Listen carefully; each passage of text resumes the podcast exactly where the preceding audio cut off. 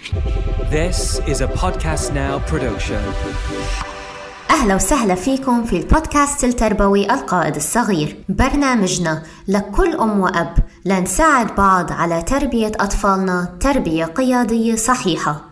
طفل اليوم هو قائد الغد أنا لينا.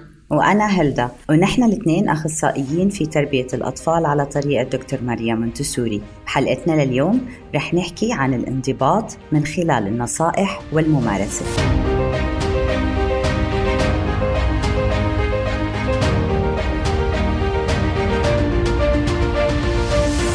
حلقتنا اليوم يا هلدا هيك أنا وإنتي حسينا إنها دسمة شوي ودسمتها جاي من كونها حلقة شوي آه، عم بتناقش موضوع حيكون كتير جديد على كتير من المستمعين. موضوع الانضباط. ليه جديد؟ مش لأنه كلمة الانضباط كلمة جديدة أبدا. بس لأنه طريقة فهمنا للانضباط عم نعرضها بطريقة تماما جديدة.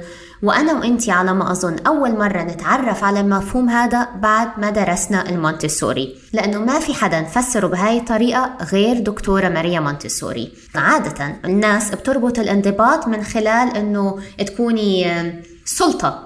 تكوني أنت يعني آه، في الولد يخافك الولد بيعرف إنه أنت أنت السلطة وإنه لأ ما فيه يعمل إشي قلبه هيك فيه خوف منك وهكذا. عم أظن كلنا مرينا بالإشي هذا صح؟ بالضبط بالضبط. ودائما عنا إحنا الصغار عنا خوف من الكبار. دائما بنعملهم إنه بنخاف إنه شو يقولوا أو بنخاف شو يفكروا أو بنخاف من ال reaction. وأوقات بننعجق بهذا الخوف. we don't enjoy ما بنستمتع باللحظات مع هدول الكبار. بنبعدهم عن حياتنا. يعني كثير هلأ عم بشوف عيال التيتا والجدو الام والأب بعاد بعاد عن الحياة. لأنه هو صح. حس لما حس بالحرية كان إشي غير يط... ما يعني ما بتطابق مع اللي أخده من أهله فيعني حابب يعيشه بطريقة لحاله. صح؟ أو مثلا كثير من الأطفال إنه جدو هون جدو هون خلص أسكت أسكت دبدب دبدب أغراضك وأترك الغرفة. لا ليش؟ جدو صدر حنان. يعني جدو نحن كتير حكينا عن تيتا على فكرة بالحلقات بس ما حكينا عن الجدو بالحلقات كمان. أنا يعني عندي عندي ذكريات كتير مع جدو تبعي لأنه كان كتير دايما يحكي لنا قصص كتير عن عن فلسطين مثلا فكنت دايما أتذكر قصصه وحكي وحكياته. بس طبعا كان في الخوف إنه لا خلص ما تعلوا صوتكم لأنه جدو حيصدع هذا كان دايما موجود بس الزمن تغير والحياة تغيرت فهذا الخوف عم عم ببعد الأطفال مش عم بيقربهم مش عم بيقربهم علينا أبدا. هون بيجي المفهوم الجديد اللي نحن بدنا نطرحه اللي هي آمنت فيه الدكتورة ماريا مونتسوري. هي آمنت إنه الحرية والانضباط وجهان لعملة واحدة. وهون إذا عنا مثلا مثل درام بدنا هيك ندق على الدرام لأنه هاي هي الجملة الرئيسية اللي نحن قاعدين عم بنقولها بالحلقة. الحرية والانضباط بيتماشوا مع بعض مش بيبعدوا عن بعض. فوجهان لعملة واحدة. ولا يمكن أن يكون أحدهما دون الآخر. ما فيك إذا أنت بدك طفل منضبط بدك تعطي له حرية. الحرية مش إنه الطفل يروح يعمل اللي بده إياه ويقلب لك البيت آه، مهرجان لا الحرية هي القدرة على فعل الصواب دون قيود. وهي على فكرة هلدا الجملة كتير عميقة يعني فيها عمق. إنه الطفل يعرف شو يعمل وهو منه لحاله يعمل الصح من غير ما انت تقولي له أو من غير ما يخاف إنه هلأ ماما حتدخل الغرفة حتى لو ماما دخلت الغرفة أو ما دخلت أنا حامل الصح لأنه هو الصح اللي لازم يتعمل. وهون بيربى القائد هون الطفل بيطلع قائد. لما هو بيكون قوي وبيكون عنده ثقة بنفسه إنه هو بده يعمل الصح. وقال الدكتورة ماريا إنه كل مشكلة في الانضباط تنتج عن شو؟ عن نقص في الحرية أكيد أصلا تقدري تقولي إنه حدا ما عنده حرية بس عم ياخذ قرارات أكيد لا سو إحنا بنحتاج. الحرية عشان إحنا نطور حالنا عشان نطور الانضباط ونطور قدرتنا إنه ناخذ قرارات. Otherwise لما تيجي تسألي حدا فيك تروحي تسألي سجين تقولي له وين شايف حالك in in five years آه فينا فينا يعني بس in general إنه إذا حدا هو ما عنده الحرية إنه ياخذ قرارات okay كيف بده يشوف حاله أصلا يعني exactly. كيف حيشوف حاله هو ماشي. ب system ماشي بنظام معين هو حتى لو اختار هو عارف إنه ما حدا حيساعده باختياراته ما حدا حيوفر له اللي هو حابب يشتغل عليه أو يعمله so he will give up يعني حيستسلم صح والحرية كمان هلدا بتجيب التنسيق والتحكم في النفس اللي نحن بنسميها ال coordination and self control يعني لما يكون في حرية بتلاقي هيك الطفل متوازن أكتر عارف يتعامل مع جسمه أكتر عارف يتعامل مع عضلاته بتلاقيه متوازن. يعني شو هالطفل الموزون اللي ماشي على الأرض؟ وهون هذا هو الانضباط بكل بساطة. ومثل ما قلنا ما في حرية من غير مسؤولية. يعني إذا أنت بدك تكون حر بده يكون في مسؤولية ومش مسؤولية عشان يعني نقول للطفل إنه نعذب الطفل بالمسؤولية لا ابدا. بس الحرية بدها شغل بدها تعب بدك إنه تقولي له هاي من مسؤولياتك مثلا عشان هو يربى على المفهوم هذا. ولما يصيروا خمس أو ست سنين الأطفال من المتوقع إنه يقوموا بمسؤولياتهم ويقوموا بمهاماتهم وإنه يخلصوها. مش بس إنه يبلشوها للنص أو يبلشوا بالبداية ويتركوا الشغل لا على ست سنين متوقع منهم إنه يخلصوا مهامهم. وبتأكد الدكتورة مريم مونتيسوري إنه الانضباط مش جبر كل طفل على فعل الأشياء الأطفال الثانية اللي قاعدين عم بيعملوها بس لأنه صاحبتي عم تشتغل على مثلا نوعية العمل هذا أنت متوقع منك تشتغل على نوعية العمل هذا. الانضباط بصفوف الدكتورة ماريا مونتسوري هي إنه الطفل يكون عنده القدرة على اختيار عمله والتركيز على شغله لأنه هو اللي اختاره ويتركه لما يحس إنه خلص أنا شبعت منه أنا شبعت معلمي الداخلي وخلص أنا هلأ مستعد إني أنقل للخطوة الثانية exactly. وهذا الشغل اللي موجود بالكلاس روم تاع مونتسوري هو شغل لبناء مهارات. so, الطفل بيكون مركز فيه فهو مبسوط إنه هو عم بيبني مهارات. فبتكون ال energies كلها بجسمه متناسقة وماشية مع بعض. لما يحس إنه بده يترك ويرتاح وياخذ thinking walk بنسميها مشية التفكير هو حر بيقدر ياخذها مش زي مثلا مدارس ال traditional unfortunately إنه بيستنوا ال break وبتشوفي الأولاد بيطلعوا بركضوا زي المجانين عن جد فبتحسي إنه كثير آه. آه. كثير اشتغلوا على عقلهم ونسيوا جسمهم وكنا نخترع أسباب يعني أنا شخصيا كنت أخترع أسباب بدي أروح أفوت الحمام مثلا بس إنه بس عشان أروح أمشي إجري وكان كمان يتقالنا لا يعني بس إنه كان الواحد دائما يفكر بأي سبب إنه يحرك جسمه طيب الطفل أصلا بيتعلم من خلال الحركة وللأسف للأسف لغاية يومنا هذا المفهوم هذا مش متعارف عليه بالمدارس. يا لأنه كمان عندهم curriculum يغطوه وعندهم وقت و time table فكتير ال restrictions عالية. بس at least at least إحنا بالبيت نعطيه لأولادنا يعني قد ما بنقدر. صح. so, لما نحكي عن الانضباط هو انضباط ذاتي. يعني نفكر بالانضباط أنت ما حتربيه مش حي... مش حيجي من برا. الانضباط رح يجي من جوا okay؟ مم. فلما نحكي عن انضباط بدك تفكري بشغلتين كتير مهمين الجسد والعقل. مم. عشان هيك اللي هو ال two energies اللي موجودين بالجسم الجسم والعقل. مم. فبدنا الانضباط أول رح يبلش بالجسم. مم. وهذا إشي كتير سهل لما نخلي الطفل يطلع درج يطلع درج. خلينا نوقف جنبه عشان نحاول نحميه. يعني نحاول ما يثبت راسه. بس إنه ما نمنعه. يعني الخبطة كتير أهون من إنك تضلي تمنعيه. so بده يتسلق خليه يتسلق. فهذا كله ببلش من حتى يعني هو ببلش من من عضلة ال bladder آه المثانة. المثانه من عضلة المثانه وبصير على البطن okay؟ مم. وبصير على الظهر وبصير على الإيدين بيطلع لبرا. فهذا انضباط جسدي. هل بقدر أنا مثلا لينا أقول لبنتي امشي افردي ظهرك افردي ظهرك آه أوف. يا ما قالت لنا. yes آه بس هي ما عندها العضلات. هي بتعب تروح آه. تحاني حالها okay؟ آه. لأنه ما انبنوا العضلات تاعين ظهرها بالوقت الصح اللي لازم ينبنوا فيه. يعني هل الانضباط ببلش من قدرة الطفل على التحكم بعضلاته وجسمه؟ أكيد هو الانضباط ببلش داخلي بيكون داخلي بعدين بيطلع لبرا. كل شيء كل شيء بحياتنا okay؟ بتطور منا من جوا من جسمنا. وبعديها إحنا وي reflect على بينعكس على البيئة اللي, اللي إحنا فيها. okay. يعني مثلا الطفل اللي مش قادر يتحكم بعضلاته وجسمه حيكون إنه هو ينضبط حيكون صعب عليه الموضوع. أكيد. أكيد okay. لأنه هو عضلاته عشان هيك بتلاقي بتلاقي كبار clumsy. كيفك آه. هايدي؟ زليتها لهايدي. آه هايدي أختي و she's clumsy. okay. ففي ناس كبيرة بتضلهم clumsy ما بيقدروا يسيطروا.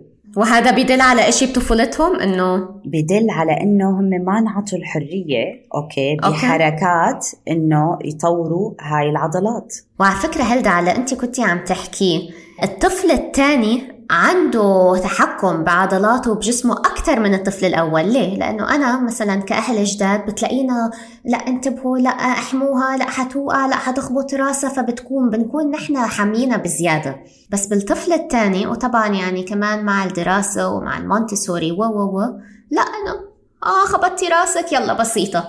يعني كمية الخبطات طبعا الحمد لله الحمد لله مش خبطات يعني بس كمية الوقعات مثلا بنتي الثانية وقعتها أكثر بكثير من الأولى بس بنفس الوقت كسبت قوة تحكم بعضلاتها أكثر من بنتي الأولى بهذا العمر يعني عمر العشر شهور ولا 11 شهر. ففعلا اللي أنت عم بتقولي إنه بتحسيها هيك متوازنة أكثر آه عادي اتخبطي عادي اوقعي يعني هذا حيعطيكي انضباط جسدي. بالضبط. فأنت هون وقتها الأم بيكون كمان بنت خبرة. وقوت قلبها. وقوت قلبها. يوجولي أول ولد بتكوني يعني خايفة تمسكيه أصلا يعني. آه، صح. آه بتحسي هيك إنه جلده غريب. فبس with experience ترجعي ترتاحي صح. فالثاني بكون أحسن من الأول. والثالث يلا.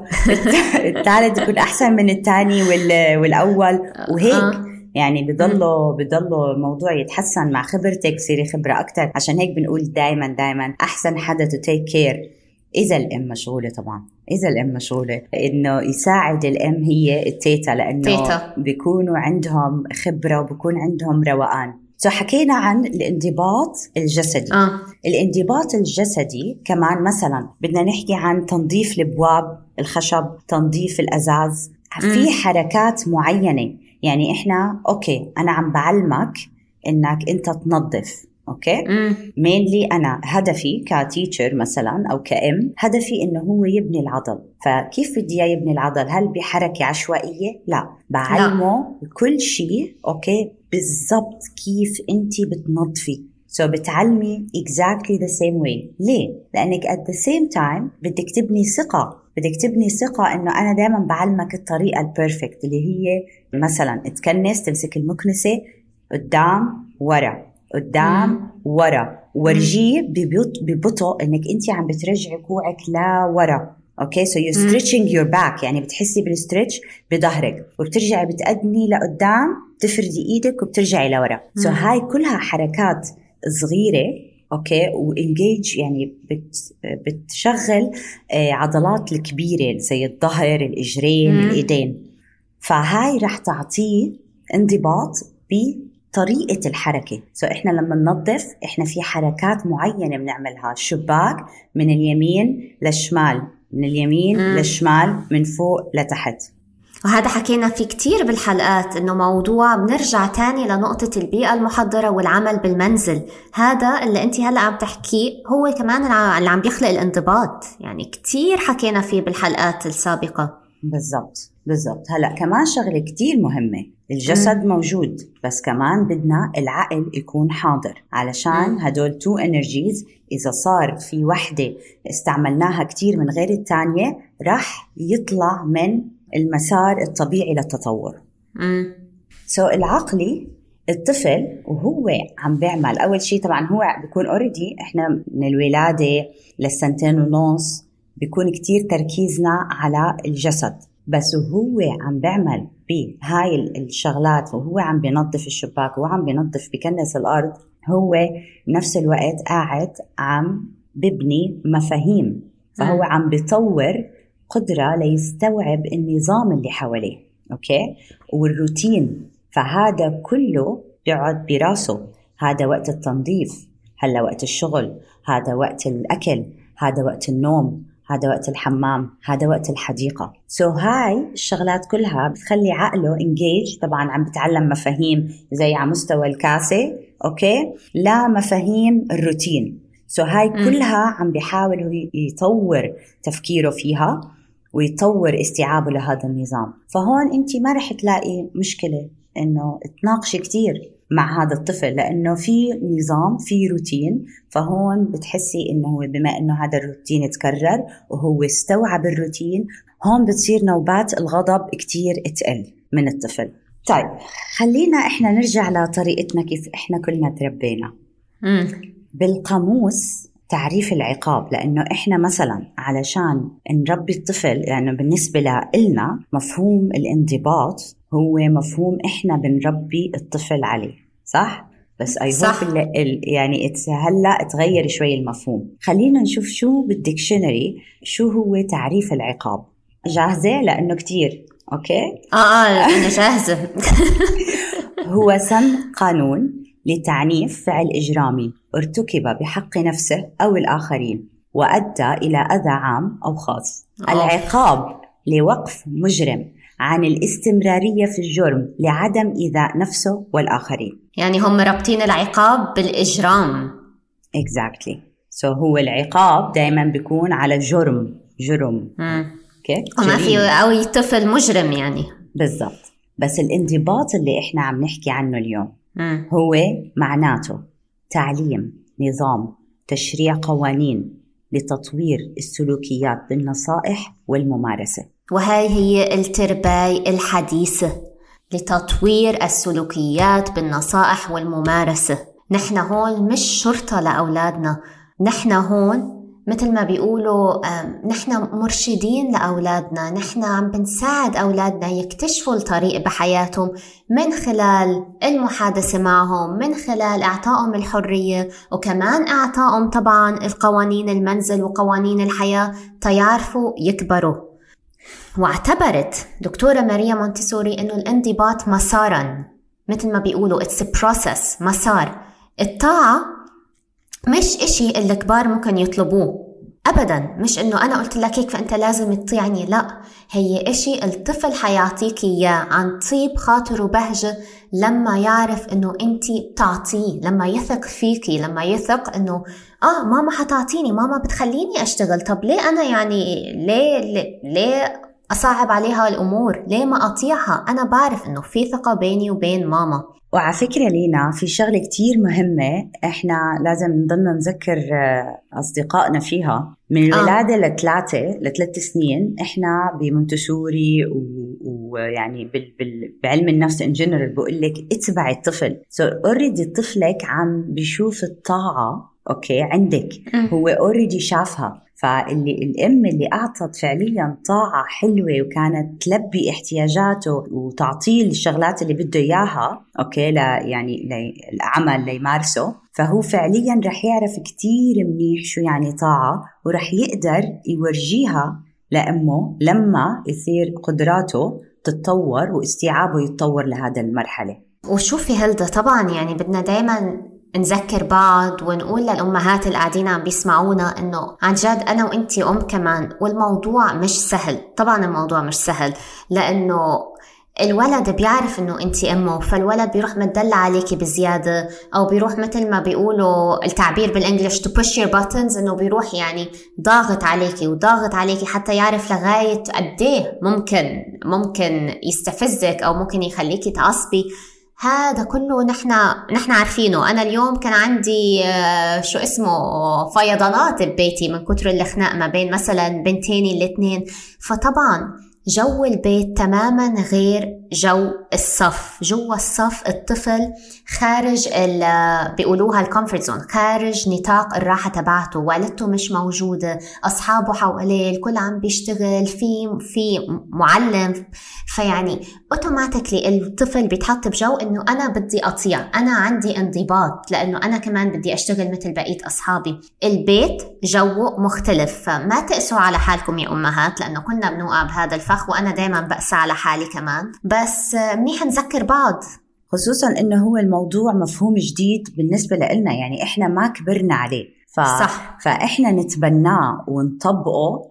برافو علينا صراحة. كونوا فخورين جدا بحالكم يعني آه، وما تقولوا أبدا إنه تأخر الموضوع. آه، دائما لما تاخدي قرار اقعدي وتذكري إنه كل شيء ببلش منك كل التغيير ببلش منا إحنا ببلش جواتك بعدين بصير يطلع على البيئة تاعتك اللي برا. وبتعرفي حدا قال لي جملة عن جد آه، من يومين حدا قال لي الجملة هاي وكتير ساعدتني إنه ما في داعي الواحد يندم على إشي ما حيقدر يغيره. خلص طب لشو الندم؟ ما حتقدري تغيري اللي صار صار. قررتي بالتغيير خلص اطلع إني أنا قررت أتغير و خطوات لقدام بس إنه نقعد نندم على على اللي راح وإنه أصلا نحن ما حنقدر نغير اللي صار للأسف يعني. صح بس كمان التعليم نور.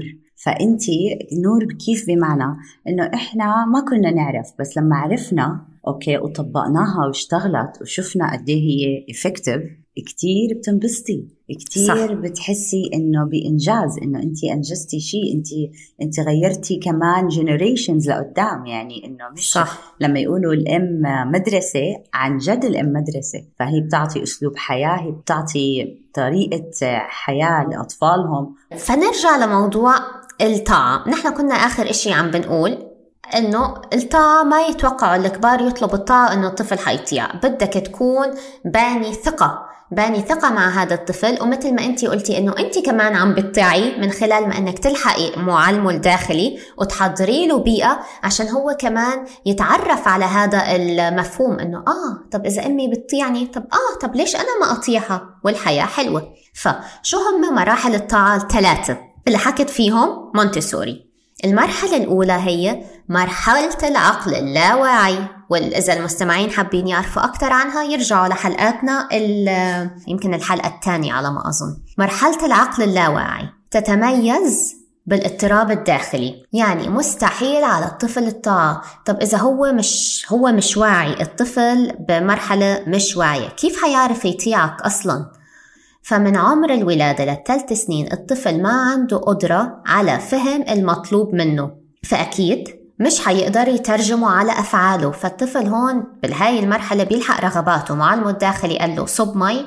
حيصب مي. معلمه الداخلي قال له روح امسح حيمسح هو بس قاعد عم بيلحق بالرغبات وما عنده قدرة على إنه يتحكم بأفعاله. فبتقول مونتسوري إنه الطفل آه ممكن يعني يفاجئك بيوم من الأيام إنه عمل إشي يا سلام مثالي اشتغل على شغل مثالي. بس هذا مش معناته إنه حيرجع يعيده بكرة أو يرجع يعيده بالدقيقة اللي بعديها لأنه هو بالعقل اللاواعي. والانضباط الجسدي مثل ما حكينا بيعكس على الانضباط العقلي من خلال البيئة المحضرة الغنية بالنشاطات وأهمها الأعمال اليدوية اليومية مثل ما أنت حكيتي مسح الزجاج، مسح الأرض، التكنيس وهكذا. وحنلاحظ بخلال الأعمال هاي إنه عضلات الطفل عم تقوى وحركاته عم بتكون أقل فوضوية. فعشان هيك نحن يا كبار بدنا نحاول نشجع الطفل على الأعمال اليدوية اليومية وما نخاف من الفوضى وما نخوف الطفل منها لأنه إذا الطفل ما عمل فوضى قدامك أو ما اشتغل بإيديه أول ما أنت تترك حتروح عامل فوضى. وإحنا بمجتمعنا كتير فاميليار مع هاي القصة إنه إذا الطفل ما عملها قدامك أكيد رح يعملها لما أنت تغيب. فليه نضيع وقته ونضيع طاقاته ونخليه يعني هم الأطفال انولدوا أحرار فإحنا كلنا حرين ولازم يعني نطلب حريتنا. يعني إذا أنت حاس حالك مش حر نطلب حريتنا. يعني لينا حتى إحنا الكبار إذا حدا إجا وفرض عليك كتير شغلات رح يصير عندك ضغط نفسي. صح. أوكي؟ لأنك ما عم تلحقي رغباتك. فمش طبيعي الترباي إنها تكون كبح لقدراتك. هذا اللي صح. هاي نقطة الانضباط اللي هو بيجي من جوا وإحنا بنلحقه بطريقته الفطرية الطبيعية. لأنه الأولاد يعني هلأ بتشوفوا بمراحل التطور الانضباط ما حيوصلوا لمرحلة يحسوا بالذنب حيصيروا يحسوا بالذنب إذا عملوا شيء غلط وحيتضايقوا. فلما نفكر بهذا الطفل من الولادة لثلاث سنين خلينا نركز على العضلات وما تنسوا بالعضلات لما إحنا قدمنا له ننظف أوكي؟ إحنا قدمنا له بداية process ونهاية. فعشان هيك هذا كله بتسجل بصير في انسجام بين عقله وجسمه وهو عم بيشتغل. وعلى فكرة على سيرة إنه الطفل يحس بالذنب صارت معي اليوم يعني قبل شوي إنه بنتي عم تلعب بكريمي المفضل. وبتعرفي كريمات الستات لإلهم يعني خلص. يعني هم بي- بيعتبروا ثروة ثروة يس ثروة بالضبط. آه لو سمحتي هذا كريمي المفضل رجعي. لو سمحتي عند كريماتك. المهم فضلت تلعب فيه وحرام مش ذنبها الغطا كان مخلخل فوقع الكريم. وين صار الكريم؟ وين فينا نقول فينا نلمه أو ما فينا نلمه؟ ما في ما فينا نلمه هلدا ما فينا نلمه. Oh. طبعا يس يعني الحمد لله الحمد لله الحمد لله. تملكت نفسي وما عصبت لأنه على طول شفت وشها. وشها فعلا حس بتأنيب الضمير وحس بالذنب وشافت وشافت الكريم مكبوب على الأرض وهو الكريم نوع من الأنواع اللي فيها زيت فيعني مش بس تكب على الأرض الأرض كلها صارت فيكي تقولي عنا سلايد بالحمام آه. فشوفي على طول من نظرة وشها ومن نظرة إنه هي فعلا ضميرها انبها أنا على طول غيرت ال أنا كمان نظرة وشي. و وما في داعي أحسسها بتأنيب الضمير أكثر البنت اوريدي حاسة بتأنيب الضمير. خلص يعني حنرجع نشتري واحد تاني وبالعكس شافتني عم بنظف وساعدتني أنظف وانتهى الموضوع. ففعلا الطفل اللي عنده انضباط بيحس بتأنيب الضمير. أكيد لينا. برافو إنك أعطيتيها وقت تحس بهذا الشعور. يعني هو الشعور الجلد هو شعور يعني بياكل الواحد من جوا. أوكي؟ آه. ليترالي بياكلك آه. من جوا. فهذا الشعور راح هي تتذكر كتير منيح إنها ما ترجع تقرب على هذا الكريم. عرفتي؟ هو أصلا ما في مجال تقرب عليه تكب الزباله يعني آه بس إنه خلص رح. رح تتعلم الدرس ركزت بهذا Yes. الشعور وقدرت تربطه مع الدرس لما إحنا نقيم الطفل وناخده على ال- ال- ال naughty corner وال thinking chair ونعجقه بالحكي وباللغة بروح شعور الجلد بصير في شعور خوف. أنا مش صح. حاسس بالأمان أوكي؟ so بيخاف. فالدرس ما وصلته للدرس فهو هو حيتعلم الدرس لحاله. حتى لما حدا لما الأطفال تعمل accident بالحمام مثلا إنه يعملوا على الأرض أوكي؟ مم. أولها ما بيكونوا يتضايقوا بس بعدين على ثلاثة ونص حيتضايقوا كتير ويحسوا بشعور الذنب وهذا اللي حيخليهم ياخذوا قرار إنهم ما يعملوا هيك مرة تانية. so so, مم. هذا الشعور كتير منيح لما نكتشف طرق عقاب. أوكي؟ كل عمر بدك تطوري بدك يصير عندك مهارات تانية وتخسري anyway. العقاب في حلقة له خاصة. لأنه آه. عن جد آه، لما تقعدوا وتفكروا في الموضوع حتحسوا إنه هذا كتير أريح لكم. الكم صح لينا؟ أنا يعني آه آه. لأنه فعلا العقاب بدك ريسبونسبيلتي بدك تكمت بدك تكوني موجودة بدك آه. تكوني فوق راسه. فكتير أريح. وعلى النقطة اللي أنت قلتيها بصير الطفل بيخاف بدل ما يحس بتأنيب الضمير آه، أو بدل ما يحس إنه بالذنب. أنا طبعا كمان إنسان وممكن أعصب يعني بس على طول بلاحظ على بنتي ردة فعلها بتصير هي خايفة لأنه هي مش متعودة على التعصيب هذا.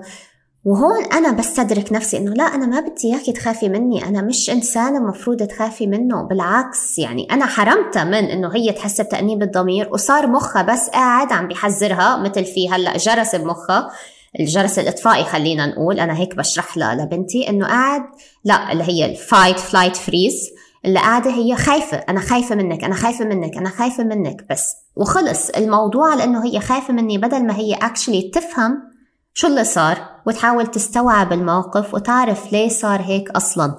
بتتعلم من خبرتها. اتحرمت تماما من التعليم من خبرتها. تماما لما تصير بهذا ال stage إنه مخها قاعد عم بيحذرها إنه الإنسان اللي قدامك معصب فخافي.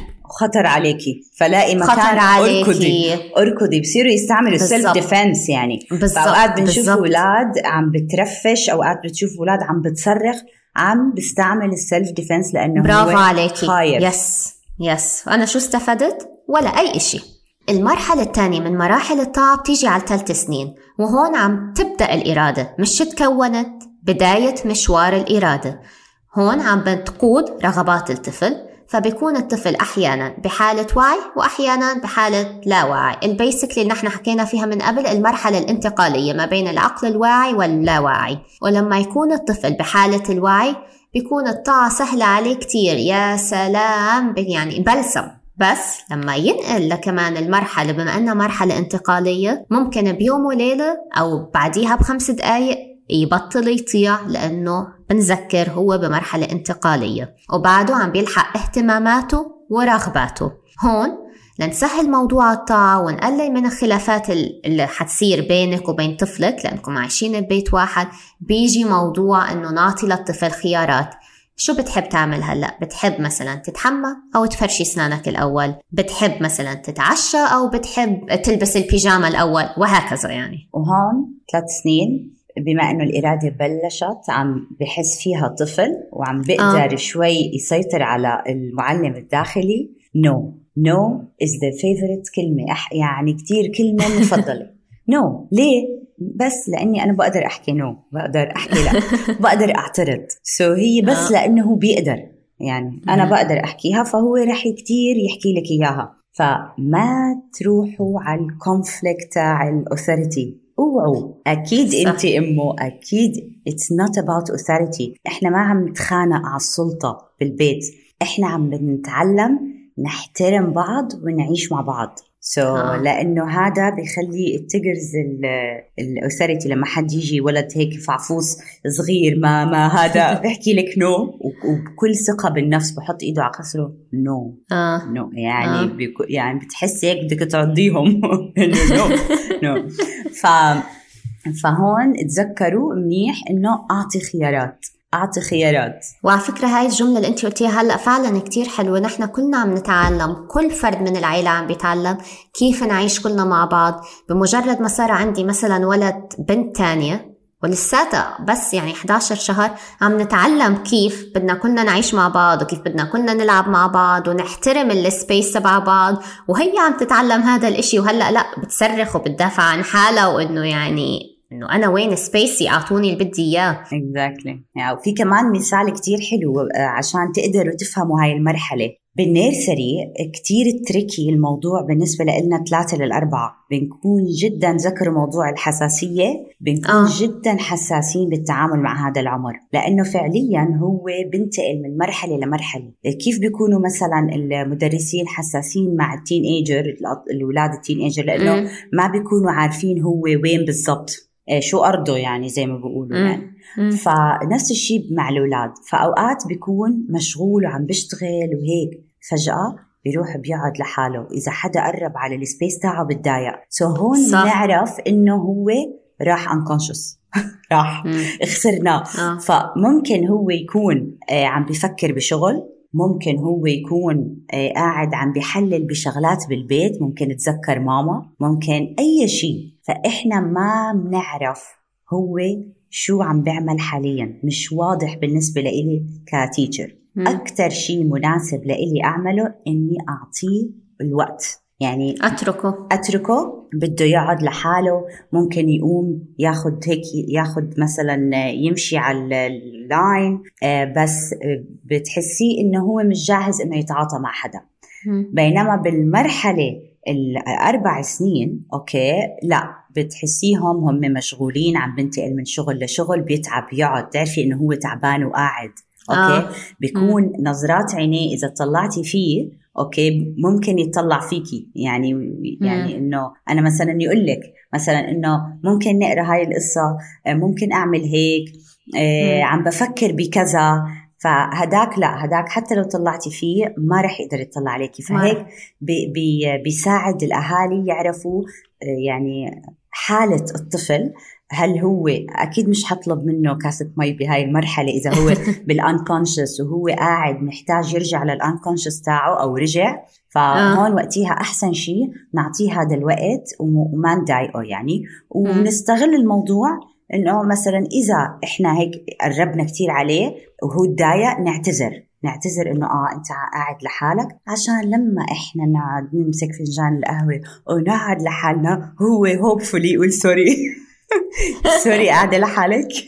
على فكرة نفس الإشي للرجال مش بيقولوا لما الرجال يرجع من شغله بيكون قاعد بالكهف تبعه. كهفه آه. ما بده كهفه ما تقربوا عليه ما تسألوا كيف كان نومك اعطوا له هيك ربع ساعة يقعد بالكهف تبعه وبعدين روحوا أحكوا معه.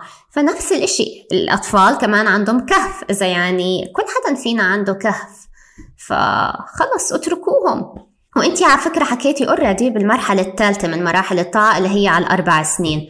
والأربع سنين هون فعلا حتشوفي ثمار مفهوم الحرية والانضباط. كيف هيك متمشين مع بعض مثل ما قلنا وجهان لعملة واحدة الإرادة خلص هون الإرادة اتكونت والطفل قادر يتحكم فيها وقادر يتحكم على رغباته والطفل طور مهاراته الجسدية والعقلية. وعشان هيك على فكرة معظم الرياضات بتبلش على الأربع سنين. وهلأ صار واحد يعرف ليش. فكون هو مهاراته الجسدية وعضلاته وتوازنه وال eye hand muscle coordination فلهيك بتصيري بتلاحظي الطاعة عند الطفل كترت وهو فعلا حابب يطيعك لأنه هو عارف أنه أنت حتعطيه وأنت قضيتي أول ثلاث سنين من حياته عم تلحقي معلمه الداخلي وعم بتحاولي تساعدي تطوره الذهني والعقلي والجسدي. وكمان قدرة الطفل على استيعاب المحيط من من علاقات اجتماعية وكيف إحنا بنعلمه القوانين كمان كتير بيساعده بصير يطور عنده حس بالتعاطف مع الآخرين. يعني زي ما قلنا قبل بتضايق إذا كسر بتضايق إذا أذى طفل فخلينا آه، نعطيه وقت يحس بالجلد. okay؟ ممكن نسكت للحظات okay؟ وبعديها نحكي بالموضوع. هو إنه ممكن نسمي الشعور كمان. ممكن نسميه نقول له إنه أنت حسيت بالذنب. أنت تضايقت وحسيت بالذنب إنك عملت هيك. مم. بعرف. حتى لو أنا عملت هيك كمان رح أحس بالذنب. فبصير عنده اللغة وبصير عنده كتير أشياء. وآخر مرحلة هي بصير زي كأنها نضوج للطاعة عند الطفل. وكتير قليل ما نشوفها. يعني مش موجودة كتير عند كتير ناس unless هم استعملوا هذا الأسلوب واحترموا المراحل لتطور الطاعة وورجوا الطاعة هم لطفلهم قبل ما يطلبوها كمان. بهاي المرحلة هون إذا كانت العلاقة بين البروفايدر المعلم أو الأم المربي والطفل هي فيها منافع متبادلة. أنا محتاج كذا تفضل. تذكروا حكينا كمان عن الحساسية حكينا عن الحب حكينا عن إنه هو أي مجال. لما يجي مثلا يقرر اليوم مركز على الصدف بالبحر أنت اتبعي احكي عن الصدف احكي شو هو الصدف احكي عن البحر احكي عن قد إيه هو مالح وكيف الصدف هذا بالملح ما تغير. فيكم تحكوا كتير شغلات من تاخديها من نقطة صغيرة وأكثر شيء حلو لما تاخدي الفكرة من الطفل وتطوريها step by step by step شوي شوي فهو بصير منبهر.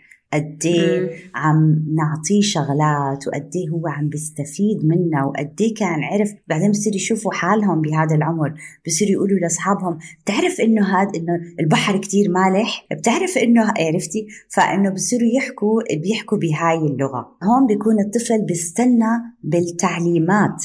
لتحكيها عشان بسرعة يروح ينفذها. فهاي مستوى من الطاعة فعلا فعلا حلو. أنا شفته بالحضانة وكان لأنه في عم بيستفيدوا منا يعني إحنا عم نعطي بيئة علشان أنت تكبر علشان أنت أنا عم بحترم. أنت هلأ بدك تقعد أنا عم بحترم. أنت هلأ بدك تطلع تركض بدك تسقي الزريعة بدك تقعد مع التيرتل شوي. بدك تجيب لي وردة وتحكي نحكي عن الوردة. ف فهون وقتها بتحسي بنوع تاني من من الطاعة. صح. اللي هي كمان بيرجع لموضوع الثقة إنه انت الأطفال وثقوا فيكي أنا متأكدة إنه يعني بالصف اللي انت قلتي إنه صارت معك وثقوا فيكي الأطفال فصار بس عم بيستنوا مس هلدا شو بدها تقول؟ يلا خلينا نشتغل على اللي هي بدها تقوله. بالضبط. وكمان في نقطة كتير مهمة للأهالي اللي أوقات بلاقوها صعبة على الأولاد إنهم يشتغلوا. أنت اشتغلي. أنت خدي شغلة واشتغلي عليها. يعني مثلا خلينا نقول المواسم. تطريز. التطريز. آه. okay.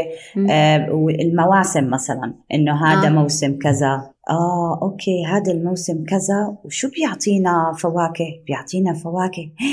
أوه okay يعني البرتقان إحنا بس بناكله بالشتاء. ليه إحنا بس مم. ليه ليه بالشجره البرتقان بس بتعطينا بالشتاء؟ فيتامين C وفيكي هيك. فيكي أنت تقعدي في كتير أشياء حلوة على الإنترنت. فيكم تقعدوا تركبوها عن المواسم عن الشجر عن كيف الشجرة عم تتغير وألوانها. ففيكي أنت تقعدي تشتغلي مرة على مرة بأي activity مرة على مرة رح يكونوا كتير مهتمين إنهم يجوا يشاركوكي فإنه مش ضروري تضلك إنه نلح عليهم. إحنا بنوفر هاي ال material بنورجيهم كيف يستعملوها okay؟ وأي إشي بيجيبوا معه okay؟ لو ما عندك وقت دائما خلوا في سلة. هاي السلة بنحط فيها الشغلات علشان إمتى نحكي عن هاي؟ باليوم الفلاني الساعة كذا مثلا بوقت ال working time okay؟ أو إذا عندك وقت فينا نحكي عنها. فهون انت عم تبني العلاقة اللي فيها منافع متبادلة. okay. لما يجي الموضوع كمان في كتير نقطة مهمة لازم نحكي عنها لما يجي الموضوع للانضباط اللي بهمنا كتير إنه نعلم الأخلاق. فشو هي الطريقة المنيحة اللي نعلم فيها الأخلاق؟ بدكم هاي قاعدة دائما احفظوها حطوها براسكم. أنت بتعلم بالتعليم وليس بالتصحيح أوكي؟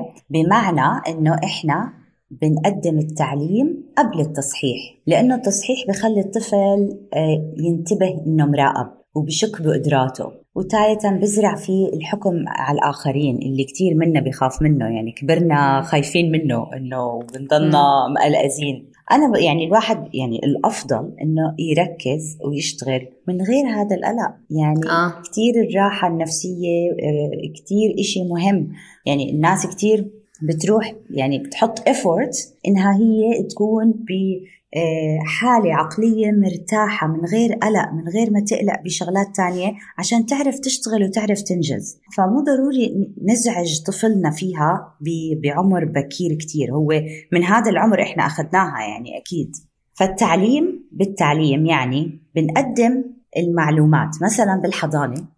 نسأل بنقعدهم هيك مع بعض. وبحضانة منتسوري في آه، أعمار مختلفة. فبنسأل المجموعة بنقولهم إذا صديقك أخذ عملك وإنت ما خلصت منه شو بتعمل؟ نبلش نسمع. بدفشه بضربه أنا بقول له لا بطلب منه إنه يترك شغلي لأني أنا ما خلصت. هون المشرف بيقول برافو هذا هو المطلوب نعمله. هذا هو المطلوب نعمله. هيك إحنا رح نتصرف. so هون للصغار وللكبار إحنا أكدنا وعلمنا. إحنا عم نعلم. فلما يصير مع الطفل فهو عادي رح ياخذها معلومة ورح يعملها رح ينفذها. okay؟ فهذا المقبول. اذا هذا اللي رح نعمله. انت هلأ هلا حكيتي عن الصف؟ طيب شو عن البيت؟ شو فينا نعمل بالبيت؟ ومثلا ضربوا. الأخ ضرب أخته أو هم الاثنين ضربوا بعض. كيف فينا نساعد الطفل؟ باللغة شو كنت عم بتفكر لما ضربت أخوك؟ طيب شو رأيك هو حاسس هلأ؟ كيف كان فينا نحل المشكلة من غير ضرب؟ أنت بتعرف إنه الضرب غير مقبول بهذا البيت وكتير كتير ضروري إنه الأم والأب يكونوا متفقين على الأسلوب واللغة اللي بيستخدموها نفسها لطفلهم ومصطلح اللي كتير آه كتير موجود بكتير من البيوت. انت اللي هم بيسموه بال English good cop bad cop انت كون ال good cop وأنا حكون ال bad cop إنه هو بيعرف إنه البابا حيعمل لي كل إشي أنا بدي إياه بس الماما هي اللي بتفضل بتقول لأ على كل إشي. أو البابا هو اللي بيحكيني بطريقة لطيفة والماما هي دايما بتعصب. هذا مفهوم بشكل اضطراب عند الطفل وبيخليه متلخبط ومش فاهم يعني ما في نمط واحد الأم والأب متفقين عليه فأكيد الطفل ما حيطلع هيك متوازن بطريقة تفكيره وطريقة آه، فهمه للحياة وتناوله مع الحياة. فضروري جدا أنه الأب والأب يكونوا متفقين على أسلوب واحد. ونفس اللي قلناه بالحلقات السابقة أكون أنا قائد حتى طفلي يكون قائد. فهذا بيأكد اللي أنت قلتيه بالأول أنه أنا أشتغل وأنا أكون يعني قائد لطفلي عشان إذا أنا بدي يكون قائد لازم هو يشوفني أنا قائد. بالضبط. وكمان شغلة مثلا كثير الأهالي ممكن تفيدهم. مثلا إحنا رايحين على الحديقة okay؟ بدنا نعلمه السلوكيات بالحديقة شو المقبول وشو المش مقبول. so so, بالحديقة نقعد نحط أغراضنا okay؟ خلينا نقعد نفكر كيف راح ننبسط في الحديقة ونكون كلنا safe آمنين يعني ما يصير معنا accident هون بنقول okay لازم نحط قوانين. لازم نبعد عن الشارع لأنه الشارع فيه سيارات بيمشوا بسرعة. نلعب بالكرة على العشب سوق البسكليت على طريق المشاة. okay؟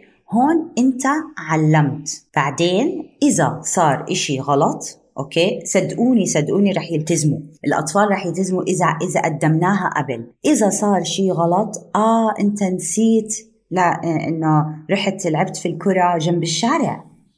okay؟ مم. فهون ممكن الطفل يخسر كرته. أنا آسف أنا متضايق إنك أنت خسرت كرتك. بس إحنا قلنا عشان الأمان تاعنا كلنا لازم نحترم القانون. والقانون بيقول إنه بنلعب بالكرة على العشب مش على الشارع. صح. وهون النقطة الثانية اللي بتنفذ بصفوف المونتسوري وكمان نفس الشيء فينا ننفذه بالبيت إنه ضروري جدا نقطع السلوك المزعج. اقطعوه. مش عشان نحن يعني ما نلخبط فكرة إنه نحن بدنا نحاول نخليه يركز بشغله وما بدنا نقطعه فما بدنا نحط من إرادته أو نحط من تركيزه لا.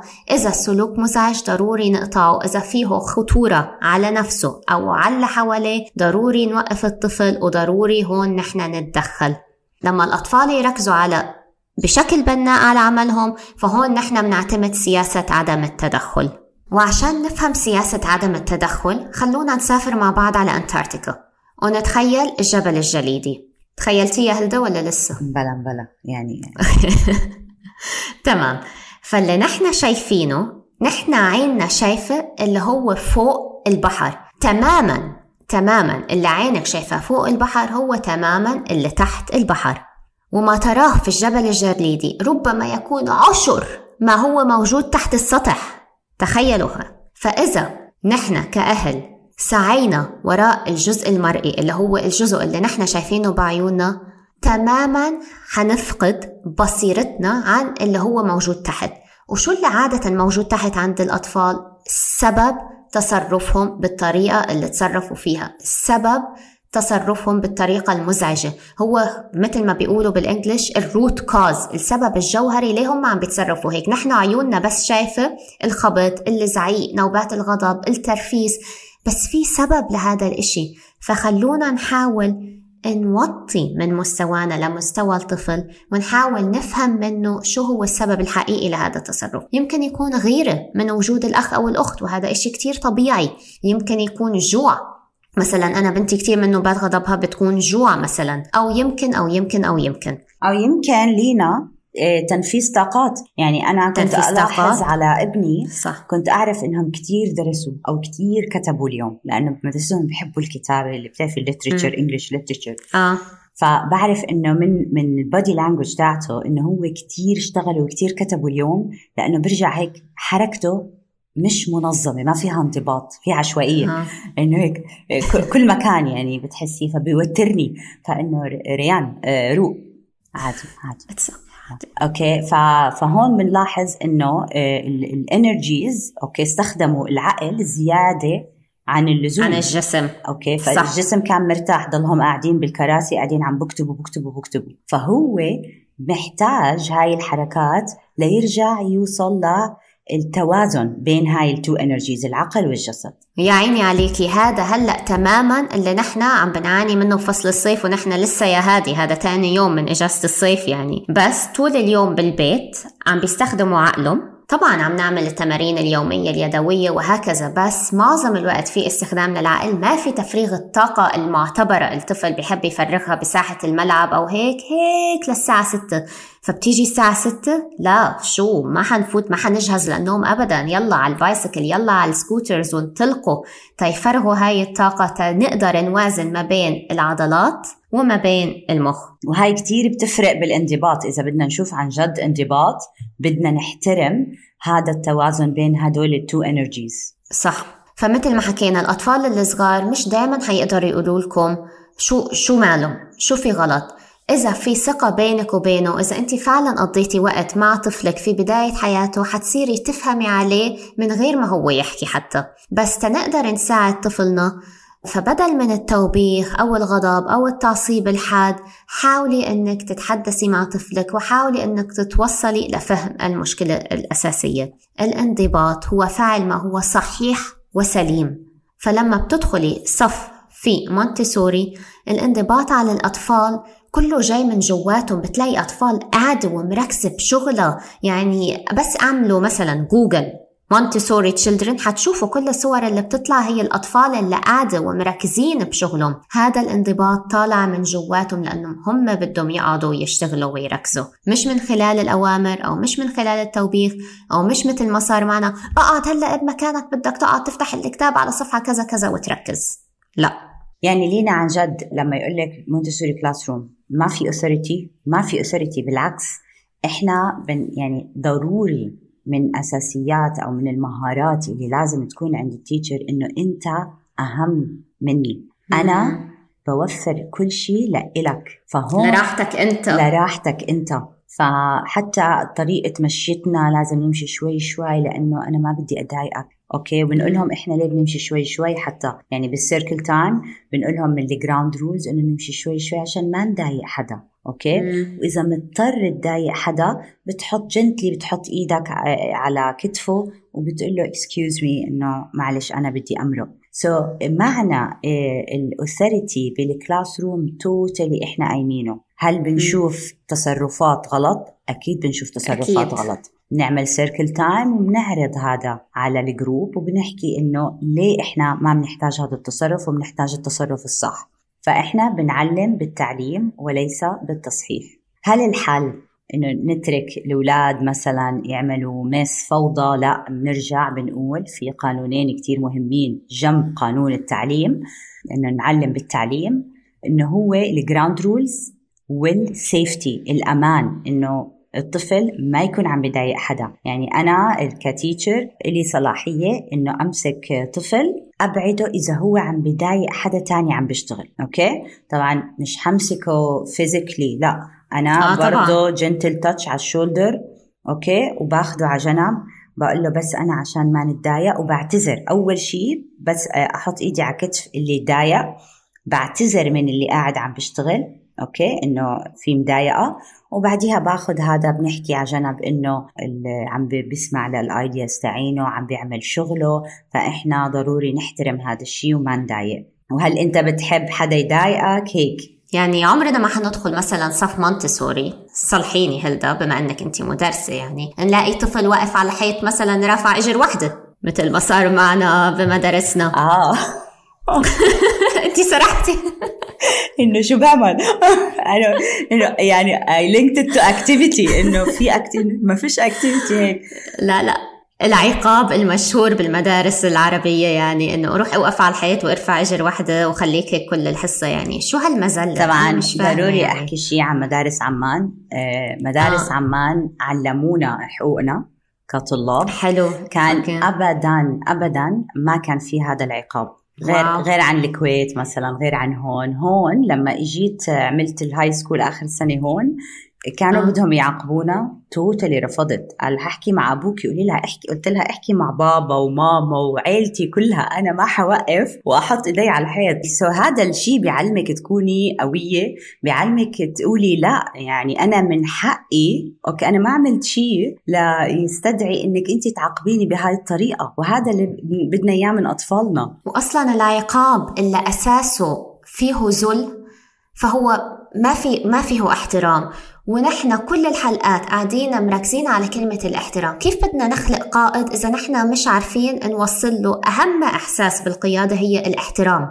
أنا مش فاهمة. فهون هلدا هذا بياخدنا للحلقة الجاي اللي نحن أنا بعرف إنك أنت كتير متحمسة تسجليها. كثير هي حلقة العقاب.